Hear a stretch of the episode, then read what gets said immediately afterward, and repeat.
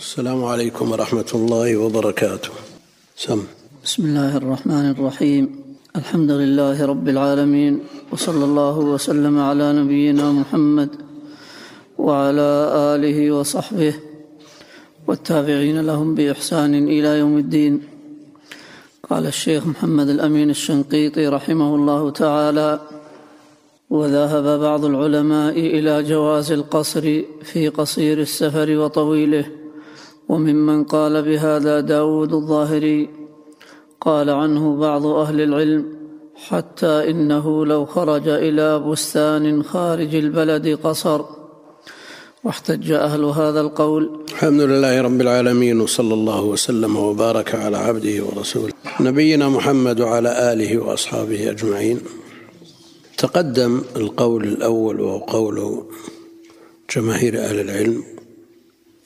القول بتحديد المسافة وأنها أربعة برد تعادل بمقاييسنا الثمانين كيلا وهي مسيرة يومين قاصدين.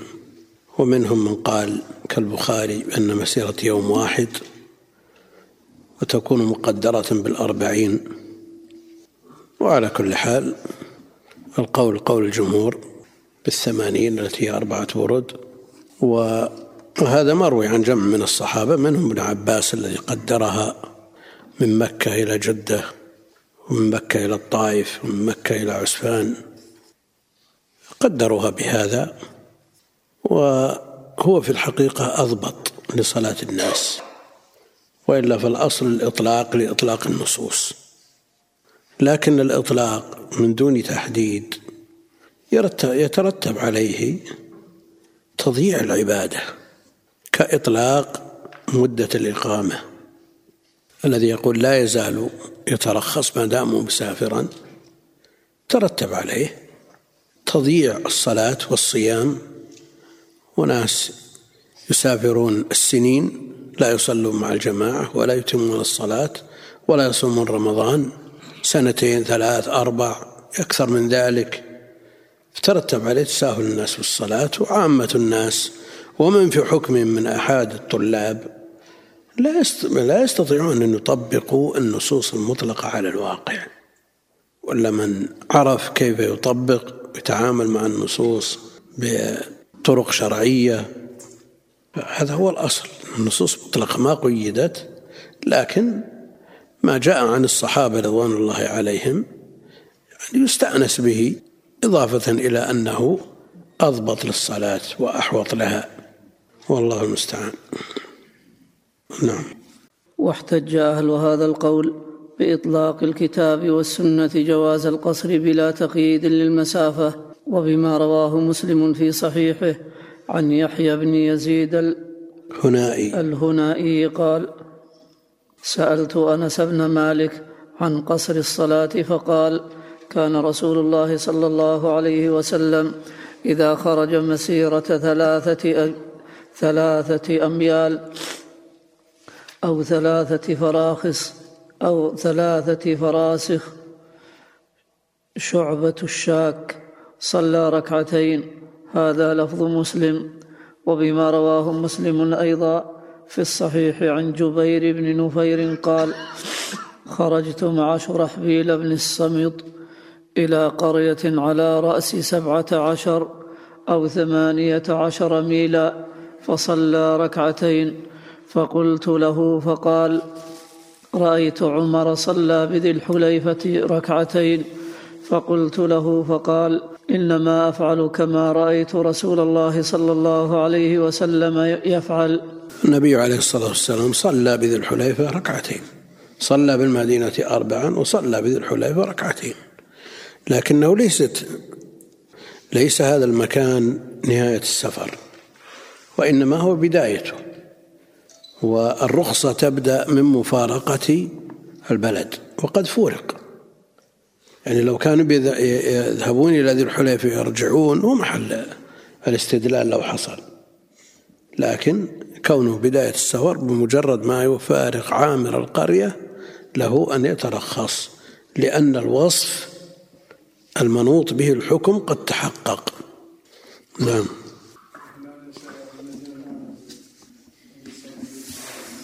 إذا وصلت ذا الحليفة ما ما يقصر. إذا تعدت البنيان صاروا في وسط البلد ما ما يترخصون. نعم. وأجيب من جهة الجمهور بأنه لا دليل في حدي في حديثي مسلم المذكورين لأنه ليس المراد بهما أن تلك المسافة المذكورة فيهما هي غاية السفر بل معناه أنه كان إذا سافر سفرا طويلا فتباعد ثلاثة أميال قصر لأن الظاهر أنه صلى الله عليه وسلم كان لا يسافر عند دخول وقت الصلاة إلا بعد أن يصليها فلا تدركه الصلاة الأخرى إلا وقد تباعد من المدينة.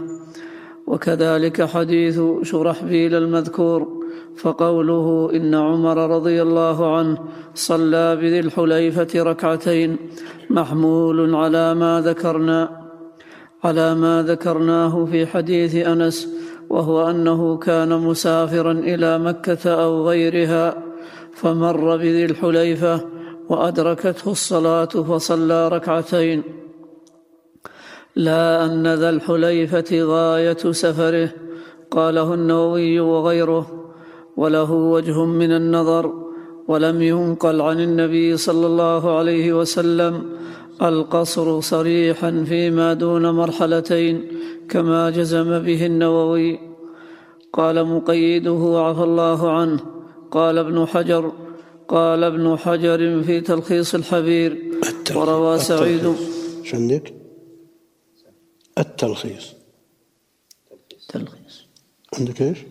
تلخيص الحبير بدون ال ما يصح لأن الحبير وصف له ولا يوصف النكرة بمعرفة واسمه حقيقة التلخيص الحبير في تخريج أحاديث الرافعي الكبير وهو مختصر من كتاب ابن الملقن. نعم. وقال ابن حجر التلخيص الحديث أن عند النقطتين وروى سعيد وروى مسلم. قول ابن حجر وروى مسلم. إيه. قال ابن حجر في التلخيص الحبير وروى سعيد بن منصور عن أبي سعيد قال كان رسول الله صلى الله عليه وسلم إذا سافر فرسخا يقصر الصلاة وسكت عليه فإن كان صحيحا فهو ظاهر في قصر الصلاة في في قصر الصلاة في المسافة القصيرة ظهورا أقوى من دلالة حديثي مسلم المتقدمين. قال مقيده عفى الله عنه هذا الذي ذكرنا هو حاصل كلام العلماء في تحديد مسافة القصر والظاهر أنه ليس في تحديدها نص صريح وقد اختلف فيها على نحو من عشرين قولا. وما رواه البيهقي والدار قطني والطبراني عن ابن عباس عن النبي صلى الله عليه وسلم أنه قال يا أهل مكة لا تقصروا في أقل من أربعة برد ضعيف لأن في إسناده عبد الوهاب عبد الوهاب بن ابن مجاهد وهو متروك وكذبه الثوري وقال الأزدي لا تحل الرواية عنه ورواية إسماعيل بن عياش وروايته عن غير الشاميين عن غير الشاميين وراويه وراويه عنه. وراويه عنه إسماعيل بن عياش. وراويه إسماعيل بن عياش وروايته عن غير الشاميين ضعيفة. وعبد الوهاب المذكور حجازي لا شامي والصحيح في هذا الحديث أنه موقوف عن, عن على ابن عباس رواه عنه الشافعي بإسناد صحيح ورواه عنه مالك في الموطأ. بلاغا, بلاغا وقد قدمناه. هو مناسب لقوله بين مكة وجدة ومكة والطائف ومكة وعسفان ومعلوم أن تقاربت البلدان بسبب اتساع المدن فلم تزل المسافة بين مكة وجدة مسافة قصر نقصت. مثل المسافة بين مكة والطائف عسفان لا يزال صغير ما هو امتداده مثل امتداد جدة أو الطائف. وقل مثل هذا فيما بين الرياض والخرج. كانت ثمانين كيلو والآن خمس خمسين في, في بحرها. نعم. أحسن الله إليك. قال حجازي لا لا شامي. عبد الوهاب حجازي لا شامي؟ وين؟ راويه عنه. وعبد الوهاب المذكور حجازي لا شامي. اي وش تفرق في الإسناد معه. شو؟ وش تفرق في تفرق لأن رواية إسماعيل بن عياش عن غير الشاميين ضعيفة. والكلام في عبد الوهاب شديد متروك يقول. كذبه الثوري. كذبه الثوري. وأما قول الأزدي لا تحل الرواية عنه فأبو الفتح الأزدي غير مرضي في كلامه على الرجال لأنه مطعون فيه. نعم. والظاهر أن الاختلاف في تحديد المسافة من نوع الاختلاف في تحقيق المناط فكل ما كان يطلق عليه اسم السفر في لغة العرب يجوز القصر فيه لأنه ظاهر النصوص ولم يصرف عنه صارف من نقل صحيح ومطلق الخروج من البلد لا يسمى سفرا. وقد كان صلى الله عليه وسلم يذهب إلى قباء وإلى أحد ولم يقصر الصلاة. والحديثان اللذان قدمنا عن مسلم محتملان. وحديث سعيد بن منصور المتقدم لا نعلم أصحيح هو أم لا. فإن كان صحيحا كان نصا قويا في قصر الصلاة. في المسافة القصيرة في المسافة القصيرة والطويلة. وقصر أهل مكة مع النبي صلى الله عليه وقصر أهل مكة مع النبي صلى الله عليه وسلم في حجة الوداع دليل عند بعض العلماء على القصر في المسافة غير الطويلة وبعضهم يقول القصر في مزدلفة ومنى وعرفات من مناسك الحج والله تعالى أعلم. يعني هل القصر للمسافة وللسفر أو القصر من أجل النسك. يختلفون في هذا. ومن لازم أن يكون القصر من أجل المسافة ومن أجل السفر أن لا يقصر من كان دون مسافة القصر. ويلزم على القول الثاني أنه من أجل النسك أنه لو دخل المكي إلى مكة وذهب إلى بيته وهو متلبس بالنسك أن له أن يقصر الصلاة. وهو في بيته. وهل يعرف أحد قال بذلك؟ الذين يقولون بأن الأمر متعلق بالمسافة والسفر النبي عليه الصلاة والسلام ما قال لأهل مكة أتموا.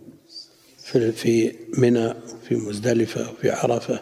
ما قال أتموا فإن قوم سافر كما قالوا في مكان آخر.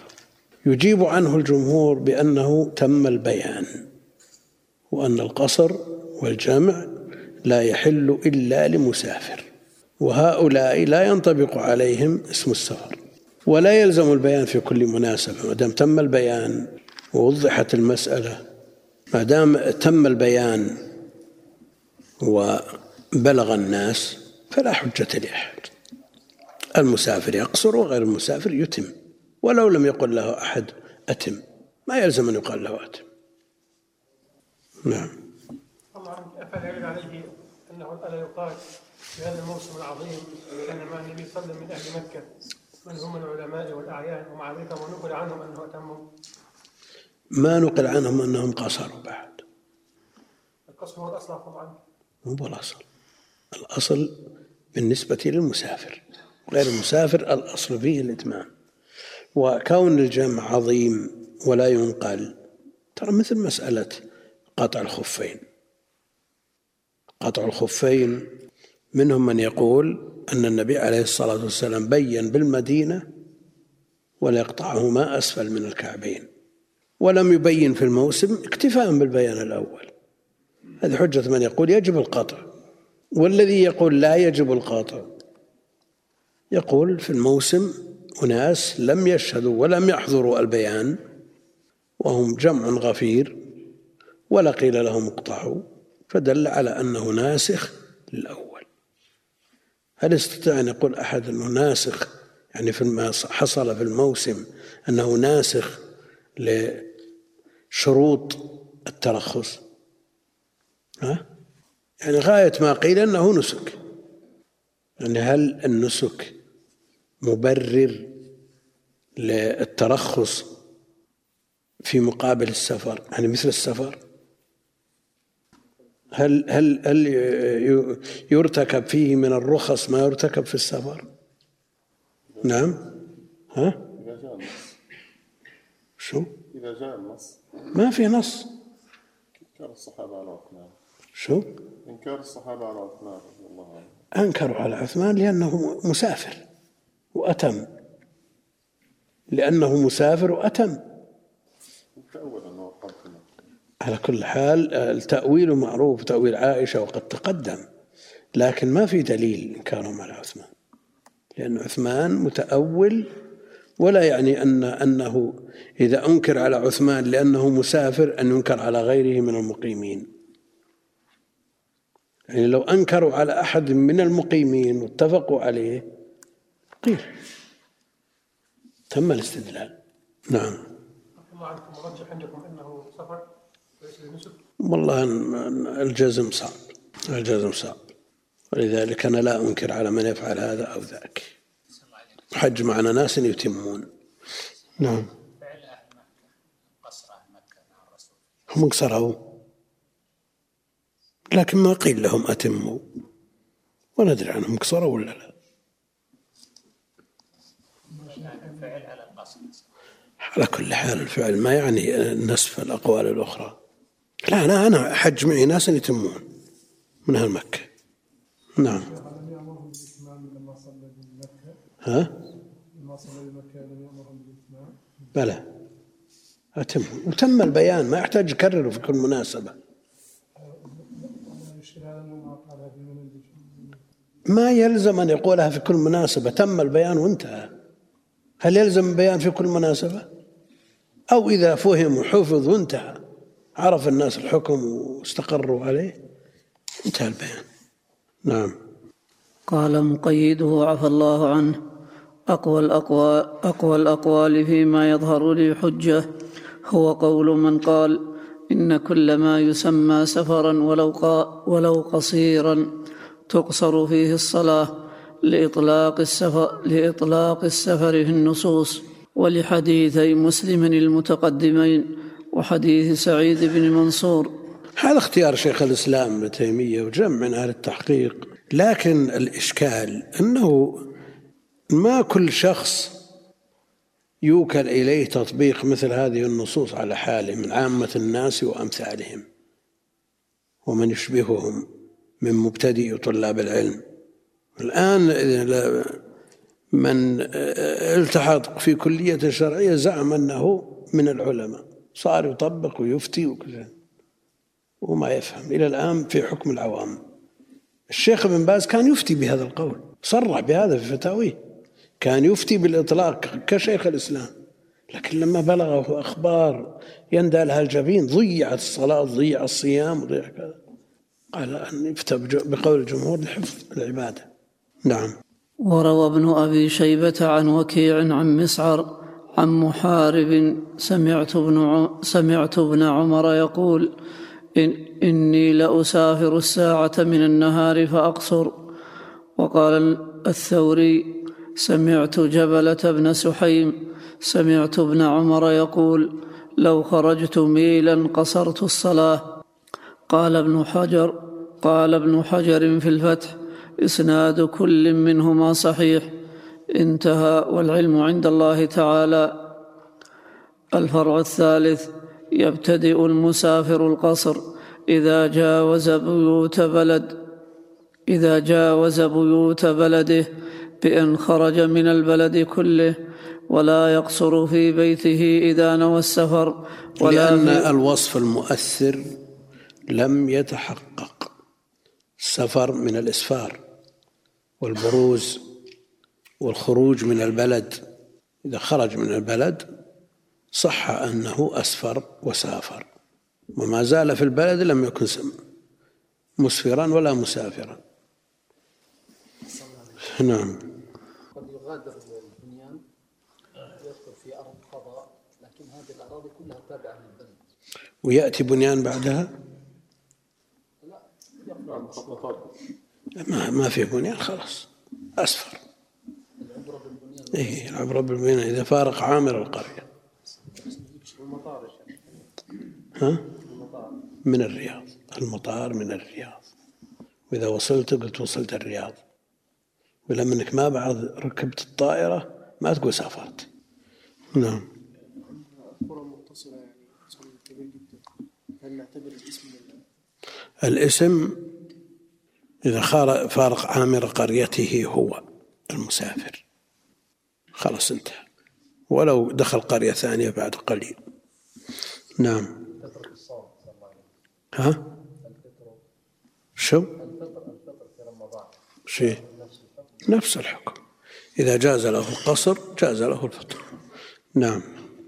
وهذا هو قول جمهور العلماء منهم الأئمة الأربعة وأكثر فقهاء الأمصار وقد ثبت عن النبي صلى الله عليه وسلم أنه قصر بذي الحليفة وعن مالك أنه كان أنه إذا كان في البلد بساتين مسكونة أن حكمها حكم البلد فلا يقصر فلا يقصر حتى يجاوزها. واستدل الجمهور على أنه لا يقصر إلا إذا خرج من البلد. بأن القصر مشروط بالضرب في الأرض ومن لم يخرج من البلد لم يضرب في الأرض. وذهب بعض أهل العلم إلى أنه إذا أراد السفر قصر قصر وهو في منزله. وذكر ابن المنذر عن الحارث بن أبي ربيعة أنه أراد سفرا فصلى بهم ركعتين في منزله. وفيهم الأسود بن يزيد وغير واحد من أصحاب ابن مسعود. قال وروينا معناه عن عطاء وسليمان بن موسى. قال وقال مجاهد لا يقصر المسافر نهارا حتى يدخل الليل وإذا خرج بالليل لم يقصر حتى يدخل النهار. وعن عطاء أنه قال إذا جاوز حيطان داره فله القصر. قال النووي فهذان المذهبان فاسدان فمذهب مجاهد منابذ للأحاديث الصحيحة في قصر النبي صلى الله عليه وسلم بذي الحليفة حين خرج من المدينة ومذهب عطاء ومرافقيه منابذ للسفر. موافقي موافقي. ومذهب عطاء وموافقيه منابذ للسفر. انتهى حديث سعيد بن منصور اللي تردد فيه الشيخ فقال إن كان صحيحا وإن كان ضعيفا. يتقدم. يقول صاحب المغني روى سعيد قال حدثنا هاشم بن أبي هارون العبدي عن أبي سعيد فذكره وأبو هارون العبدي قال عنه في التقريب متروك. ومتهم بالكذب. هذا جاب واحد من الأخوان ظاهر. الآلات تبت تلغي الكتب. كيف التأليف ها؟ كيف التأليف يعني ما يرجع قبل أن يكتب شلون؟ يقول إن صح أو ما صح. ما رجع هو الشيخ ترى ما هو من أهل الحديث. يقال أن السنن سلم المقصود لم تكن موجودة لم يطلع عليها ولذلك أحال الحافظ بن حجر. هي ما هي ما طبعت في وقته لا بس المجلدين مطبوعين بالهند. بس ما يدرى أنه فيه هذا الربع الثاني من الكتاب مطبوع في الهند على وقت الشيخ أو قبل وقت الشيخ. لكن ما يلزم أن يكون في هذا الحديث. يمكن في الربع الأول. ويلزم أن يكون اطلع عليهما ها؟ أن يكون اطلع عليهما. على كل حال الشيخ آه، إمام في أبواب من الدين في التفسير في الأصول. وفي كثير من العلوم لكن لا يلزم أن يحيط إحاطة بجميع العلوم. وين؟ في ما يجوز. هو تحقق السفر. إذا ضربتم في الأرض فليس عليكم جناح. هو ضرب في الأرض ولا ما ضرب؟ قول ضعيف إيه ضعيف جدا. نعم. الفرع الرابع. اختلف العلماء في قدر في قدر المدة التي إذا نوى المسافر إقامتها لزمه الإتمام فمذهب مالك والشافعي و أو فذهب. وأبي ثور. فذهب مالك أو ذهب مالك وأبو ثور. فذهب مالك والشافعي وأبو ثور وأحمد في إحدى الروايتين إلى أنها أربعة أيام والشافعية يقولون لا يحسب فيها يوم الدخول ولا يوم الخروج. ومالك يقول إذا نوى إقامة أربعة أيام صحاح أتم. وقال ابن القاسم في العتبية يلغي يوم دخوله ولا يحسبه. والرواية المشهورة عن أحمد أنها ما زاد على إحدى وعشرين صلاة. وقال أبو حنيفة وقال أبو حنيفة رحمه الله هي نصف شهر. واحتج من قال بأنها أربعة أيام بما ثبت في الصحيح. الأدلة كلها أفعال. كلها أفعال. يقول أربعة أيام احتج بمكثه عليه الصلاة والسلام في حجة الوداع بالمدينة بمكة. مع قوله مع إذنه للمهاجرين الإقامة ثلاثة ثلاثة أيام فقط. فقالوا ما زاد على الثلاثة يعني الأربعة إقامة. لأنه المهاجر لا يجوز له أن يقيم في البلد الذي هاجر منه أن يقيم. فدل على أن الثلاث السفر وما فوقها الذي يأتي أربعة إقامة. فلا يجوز للمهاجر أن يقيم أربعة أيام. الثلاث ما زاد عن الثلاث لهم قالوا الزيادة عن الثلاث أربعة. إذا منع إذا أبيح له أن يقيم ثلاثة فلا يجوز له أن يقيم أربعة. تحسب الساعات. على كل حال هذا حجتهم من أقوى أدلتهم هذا الحديث. الأربعة. 21 صلاة. نظرا لإقامته دخل صبيحة رابعة. ها؟ وصلى إلى صلاة الفجر من اليوم الثامن 21 صلاة. نعم. هذا لا يدرى هل هو قصد ولا اتفاق يعني حصل اتفاقا. لأن الأفعال آه، تعميمها يحتاج إلى لأن لا عموم لها. وبعدين اللي استدلوا ب 15 يوم قالوا أنه عام الفتح قام خمسة عشر يوما. واللي قالوا تسعة عشر يوما قالوا أقام في تبوك تسعة عشر يوما. وهكذا يستدلون بأفعال. نعم. واحتج من قال بأنها أربعة أيام بما ثبت في الصحيح من حديث العلاء بن الحضرمي رضي الله عنه أنه سمع النبي صلى الله عليه وسلم يقول ثلاث ليال يمكثهن المهاجر بمكة بعد الصدر. هذا لفظ مسلم.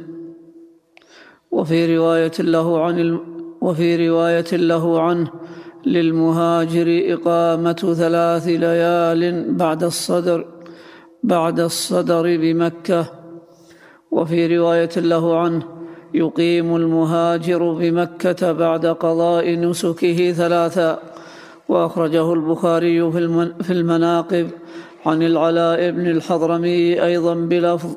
قال رسول الله صلى الله عليه وسلم ثلاث للمهاجر بعد الصدر.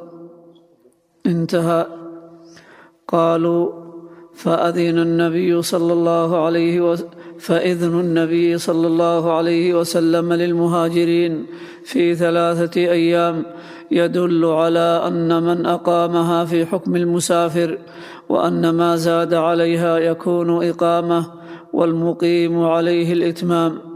وبما أخرجه مالك في الموطأ بسند صحيح عن عمر بن الخطاب رضي الله عنه أنه أجلى اليهود من الحجاز ثم أذن لمن قدم منهم تاجرا أن يقيم ثلاثا. وأجيب عن هذا الدليل من جهة المخالف بأن النبي صلى الله عليه وسلم إنما رخص لهم في الثلاث لأنها مظنة قضاء حوائجهم وتهيئة أحوالهم للسفر وكذلك ترخيص عمر اليهود في إقامة ثلاثة أيام. والاستدلال المذكور له وجه من النظر لأنه يعتضد بالقياس لأن القصر شرع لأجل تخفيف مشقة السفر. ومن أقام أربعة أيام فإنها مظنة لإذهاب مشقة السفر عنه. واحتج الإمام أحمد على أنها ما زاد على على إحدى وعشرين صلاة بما ثبت في الصحيح من حديث جابر وابن عباس رضي الله عنهم أن النبي صلى الله عليه وسلم قدم قدم مكة في حجة الوداع صبح رابعة فأقام النبي صلى الله عليه وسلم اليوم الرابع والخامس والسادس والسابع وصلى الفجر بالأبطح يوم الثامن فكان يقصر الصلاة في هذه الأيام. وقد وقد أجمع أجمع, أجمع يعني عزم على إقامتها. وقد أجمع على إقامتها وهي إحدى وعشرون صلاة لأنها أربعة أيام كاملة وصلاة الصبح من الثامن. قال فإذا أجمع أن يقيم كما أقام النبي صلى الله عليه وسلم قصر وإذا أجمع على أكثر من ذلك أتم. وروى الأثرم عن أحمد رحمه الله أننا أن هذا الاحتجاج كلام ليس يفقهه كل الناس وحمل الإمام أحمد حديث أنس أن النبي صلى الله عليه وسلم أقام بمكة في حجة الوداع عشرا يقصر الصلاة على هذا المعنى الذي ذكرنا عنه وأن أنسا أراد مدة إقامته بمكة ومنى ومزدلفة. قال مقيده عفى الله عنه وهذا لا يعني ليست هذه إقامة في مكان واحد. ليست إقامة في مكان واحد. نعم. قال مقيده عفى الله عنه وهذا لا ينبغي العدول عنه لظهور وجهه ووضوح أنه الحق.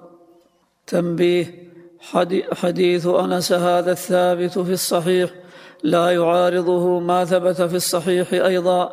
عن ابن عباس رضي الله عنهما قال أقام النبي صلى الله عليه وسلم بمكة تسعة عشر يقصر. فنحن إذا سافرنا تسعة عشر قصرنا وإذا زدنا أتممنا لأن حديث ابن عباس رضي الله عنهما في غزوة الفتح وحديث أنس في حجة الوداع وحديث ابن عباس محمول على أنه على أنه صلى الله عليه وسلم ما كان ناويا الإقامة والإقامة لا يدري متى ينتقل. عن هذا المكان ومتى يرجع إلى بلده فحينئذ لم يجمع الإقامة ولم يعزم على إقامة مدة معينة. نعم. والإقامة المجردة عن نية لا تقطع حكم السفر عند الجمهور والله تعالى أعلم. واحتج, أب واحتج أبو حنيفة رحمه الله لأنها نصف شهر. لكن لو مثل هذا دخل بلد مسافر وصار عليه مخالفة مرورية وقرر عليه سجن عشرة أيام. يجمع ويقصر ولا ما يجمع؟ ها؟ هذا مقيم. مقيم ولا ما يدري متى يفرج عنه؟ عشرة أيام لكن قد ولا باختياره ولا أجمع أن يجلس ولا مثل من حبسه الثلج ما حبسه عدو ولا شيء من حبسه الثلج ما يدري متى لكن يعرف أنه ما يعلق بشهر. يعني إقامته ليست باختياره ورجوعه ليس بيده. شو؟ يصبح مثله ما مثل ما قالوا. نعم. الله عنه حديث من حديث أنس رضي الله تعالى عنه عندما نوى إقامة أربعة أيام فله أن يفصل الثلاثة وما زال عن أربعة عفوا يتم يفصل نعم يفصل الثلاثة ويتم ما بعد أربعة ولا. لا هو الأربعة حد عند الجمهور. لكن ما يفصلون. إذا إذا نوى الإقامة أسبوع ما قال أن تقصر أربعة أيام وثلاثة أيام ما تقصر. لا حكمها واحد من البداية. إذا إذا عزم على الإقامة من البداية. لكن لو كان ما يدري ثم تبين له بعد ذلك في أول الأمر له أن يقصر. هنا كان سيكون تسعة عشر. قصرنا وإذا زادت أكملنا إيه لأنه أقام تسعة عشر يوما والمن قال سبعة عشر يوما ما عد يوم الدخول ولا يوم الخروج. ومن قال ثمانية عشر لأن الروايات مختلفة. عد يوم الدخول ولا عد يوم الخروج أو العكس للجمع بين الروايات لأن كلها صحيحة. نعم أجمع أن يقيم الأربعة شو؟ قال فإذا أجمع النبي صلى الله عليه وسلم كان ناوي أن يقيم هذه الأيام. إيه. أليس هذا الأمر ما هو يخالف رأي الجمهور من أراد؟ إيه إذا إذا هذه المدة هذه المدة هو مسافر. إذا زاد عليها صار مقيما. ولذلك أحمد بالدقة 21 صلاة. لأنه حسب من دخوله عليه الصلاة والسلام إلى أن انتقل من مكة. لكن لما يكون أصلا ناوي حيجلس إلى أربعة أيام عارف أنه حيجلس. فلا لا يتم من البداية لا وما دام قصر الصلاة في هذه الأيام صارت أقل مدة للقصر.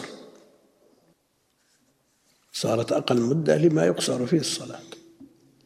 إذا زاد عليها أتم. إذا زاد عليها تم. أي وحتى ولو كان ناوي ولو كان ناوي يقيم أربعة أيام على كل على مذهبه. لكن أربعة أيام اللي هي عشرين صلاة معتمدة عند أكثر أهل العلم. إيه؟ ها. شو ما تصح صلاته عندهم. تصير صلاته باطلة عندهم. لأنه أخل بصلاة. الأصل يصلي أربعة ليش صلى ثنتين؟ كما لو صلى ثلاث بعد. ما في فرق. أنا أقول صلاته باطلة عند من يحدد. عند من يحدد بأقل من ذلك صلاته باطلة. نعم. واحتج أبو حنيفة رحمه الله لأنها نصف شهر بما روى أبو داود من طريق ابن إسحاق عن ابن عباس رضي الله عنهما قال أقام رسول الله صلى الله عليه وسلم بمكة عام الفتح خمسة عشر يقصر الصلاة وضعف النووي في الخلاصة رواية خمسة عشر قال الحافظ ابن حجر في الفتح وليس بجيد لأن.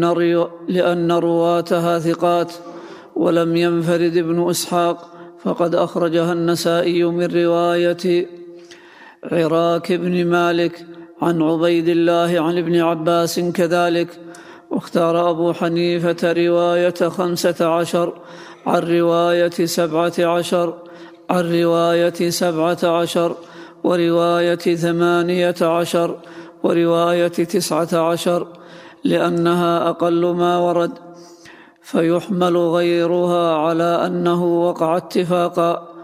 وأرجح الروايات وأكثرها ورودا في الروايات الصحيحة رواية تسعة عشر وبها أخذ إسحاق بن راهويه وجمع البيهقي بين الروايات بأن قال بأن من قال تسعة عشر عد يوم الدخول ويوم الخروج ومن قال سبع عشرة حذفهما ومن قال ثماني عشرة حذف أحدهما.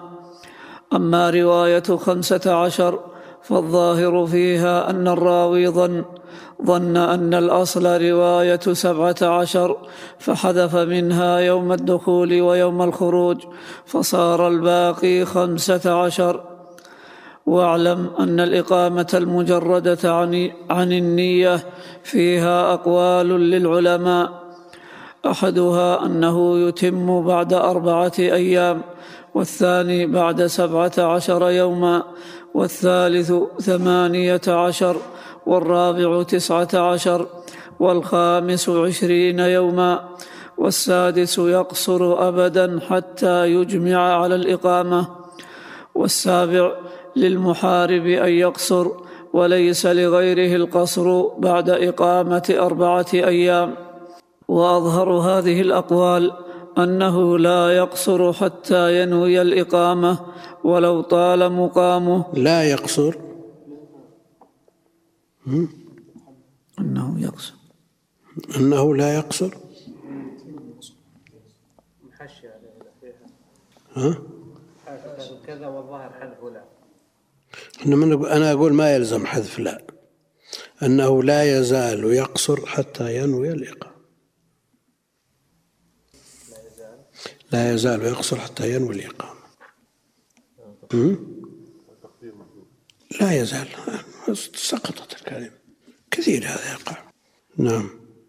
وأظهر هذه الأقوال أنه لا يزال يقصر حتى ينوي الإقامة ولو طال مقامه من غير نية الإقامة ويد ويدل له قصر النبي صلى الله عليه وسلم مدة إقامته في مكة عام الفتح كما ثبت في الصحيح.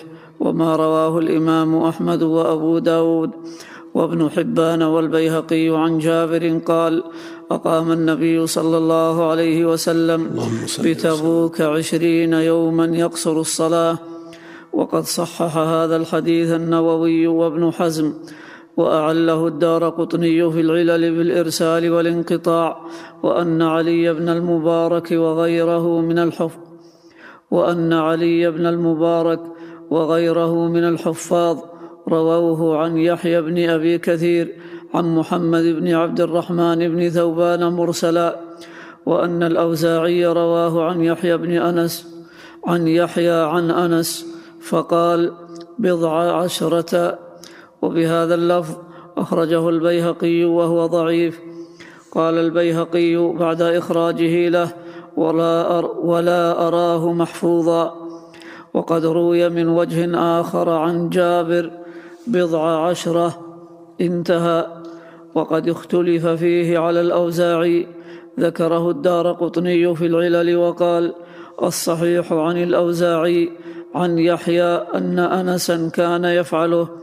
قال ابن حجر ويحيى لم يسمع من أنس. وقال النووي في شرح المهذب قلت ورواية المسند ورواية المسند تفرد بها معمر بن راشد وهو إمام مجمع على جلالته وباقي الإسناد وباقي الإسناد صحيح على شرط البخاري ومسلم فالحديث صحيح لأن الصحيح أنه إذا تعارض في الحديث إرسال وإسناد حكم بالمسند انتهى منه. وعقده صاحب المراقي بقوله والرفع الخلاف في إذا تعارض الوصل مع الإرسال أو الرفع مع الوقف مسألة معروفة عند أهل العلم منهم من مشى على ما مشى عليه وذكره المؤلف إن العبرة لمن وصل ولمن رفع لأنها زيادة والزيادة من الثقة عندهم مقبولة. ويطلقون في قبول زيادة الثقة. ومنهم من يرجح الإرسال ويرجح الوقف لأنه متيقن والوصل والرفع مشكوك فيه. والمسألة فيها أربعة أقوال لأهل العلم وخمسة. منهم من يقول الأرجح رواية الأحفظ ومنهم من يقول من يرجح رواية الأكثر. وهكذا. والأصل أن يرجح ما ترجحه القرائن. كما جرى عليه عمل الأئمة الكبار. وأما الشيخ وصاحب المراقي مشوا على قول من يقبل مطلقا لأنها زيادة والزيادة من الثقة مقبولة. نعم. وعقده صاحب المراقي بقوله والرفع والوصل وزيد اللفظ وزيد وزيد الوقت وزيد اللفظ يعني زيادة اللفظ. وزيد اللفظ مقبولة عند إمام الحفظ. إلى آخره. واستدل أيضا من قال بأن الإقامة المجردة عن النية لا تقطع حكم السفر بما أخرجه أبو داود والترمذي من حديث عمران بن حسين رضي الله عنهما قال غزوت مع النبي صلى الله عليه وسلم وشهدت معه الفتح فأقام بمكة ثماني عشرة ليلة لا يصلي إلا ركعتين.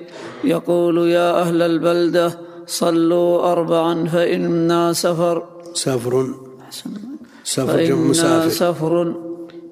جمع مسافر مثل راكب صاحب. نعم.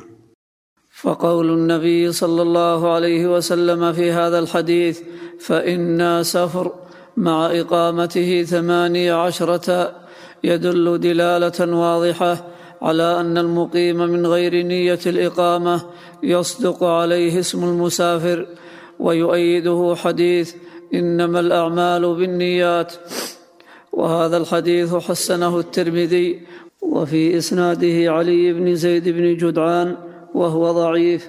وهذا الحديث لا يعود على حديث الأعمال بالنيات وإنما يعود على الذي قبله والأعمال بالنيات.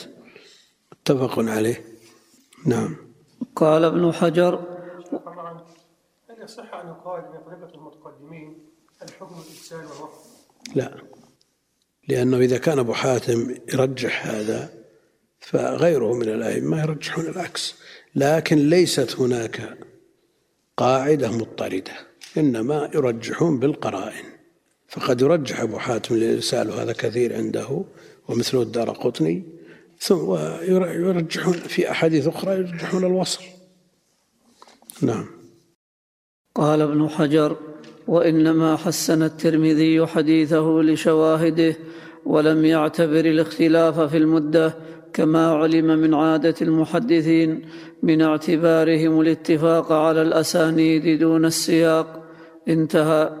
وعلي بن زيد المذكور أخرج له مسلم مقرونا بغيره. وقال الترمذي والأكثر على تضعيفه. علي بن زيد بن جدعان الأكثر على تضعيفه. لأن مسلم لم يخرج له أصالة ولم يعتمد عليه وإنما خرج له مقرونا بغيره. نعم. وقال بعض أهل وقال الترمذي في حديثه في السفر حسن صحيح وقال صدوق ربما رفع الموقوف ووثقه يعقوب بن شيبة وقال بعض أهل العلم اختلط في كبره وقد روى عنه والثو- والثوري وعبد الوارث وخلق. وقال الدار قطني إنما فيه لين. والظاهر أن قول الدار قطني هذا أقرب للصواب فيه لكن ينفي عن يتقى يتقى منه. ولكن يتقى منه ما كان بعد الاختلاط. هذا إذا تميز إذا تميز ما رواه بعد الاختلاط مما رواه عما رواه قبل الاختلاط. أما إذا لم يتميز حديثه يترك كله. نعم. إلى غير ذلك من الأدلة على أن الإقامة دون نيتها لا تقطع حكم السفر وقد أقام الصحابة براه مرز برامة هرمز. براما هرمز. تسعة أشهر يقصرون الصلاة. رواه البيهقي بإسناد صحيح وتضعيفه بعكرمة بن عمار مردود بأن عكرمة المذكور من رجال مسلم في صحيحه وقد روى أحمد في مسنده عن ثمامة بن شراحيل عن ابن عمر أنه قال كنت بأذربيجان لا أدري قال أربعة أشهر أو شهرين فرأيتهم يصلون ركعتين ركعتين وأخرجه البيهقي وقال ابن حجر في التلخيص إن إسناده صحيح. انتهى. ومذهب مالك الفرق بين العسكر بدار الحرب فلا يقصر وبين غيره فيقصر بنية إقامة أربعة أيام صحاح. وين ومذهب مالك الفرق بين العسكر بدار الحرب فيقصر الشيخ قرأ فلا يقصر فلا يقصر. فيقصر وبين غيره فيقصر بنية إقامة أربعة أيام صحاح يعني ويتم فيما عداه الشيخ عنده لا يقصر. مكتوب فلا يقصر. الشيخ عنده لا يقصر. ومذهب مالك الفرق بين العسكر بدار الحرب فيقصر. أحسن ويقصر هم؟ عسكر ودار حرب. عرفنا أن مالك يفرق بينهم وبين غيرهم. في الحرب يقصرون. نعم؟ نفس الشيء نفس الله عندما طبعا في زلة الله يعني بنسوي مثل ما ذاك لا يزال؟ ممكن لكن عندنا فيقصر ما فيها أشكال لأن ما فيها زيادة تبي تمسح. نعم. الفرع الخامس. شيخ الجملة. يقول فلا يقصر فيقصر وبين غيره فيقصر. يقصر بنية الإقامة. يقصر بنية الإقامة أربعة أيام الصحاح. وما زاد عليها فلا يقصر. نقف على هذا ولا نكمل نكمل هالورقة ولا نمشي؟ إيش رأيكم؟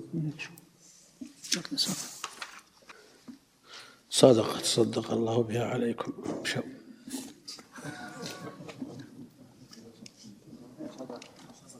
ها؟ ولا هذه تبع الكلام السابق؟ قوله كما علم عن المحدثين.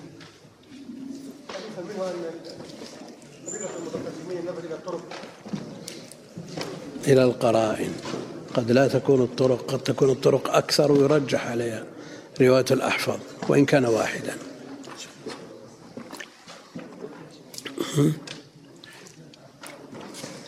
المصطلح يمشون على على الطريقة المتأخرين ذولا إيه.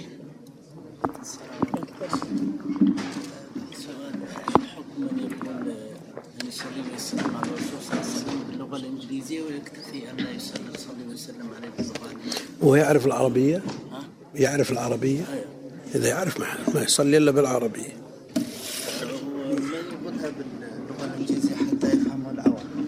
إذا كان من أجل التعليم ما يخالف. إذا كان من أجل تعليم من لا يفهم العربية ما يخالف. اسم الحجاز شيخنا في حديث لا يجتمع دينان في جزيرة العرب. يشمل بس مكة والمدينة. اسم الحجاز. أم يشمل جميع جزيرة العرب؟ جميع. جميع جميع. إيه. الخلاف معروف. لأن, لأن عمر أجلاهم إلى تيمان وتيمان من يعني المقصود الحجاز بس يعني مكة والمدينة. ما يروح ما يجزم بها.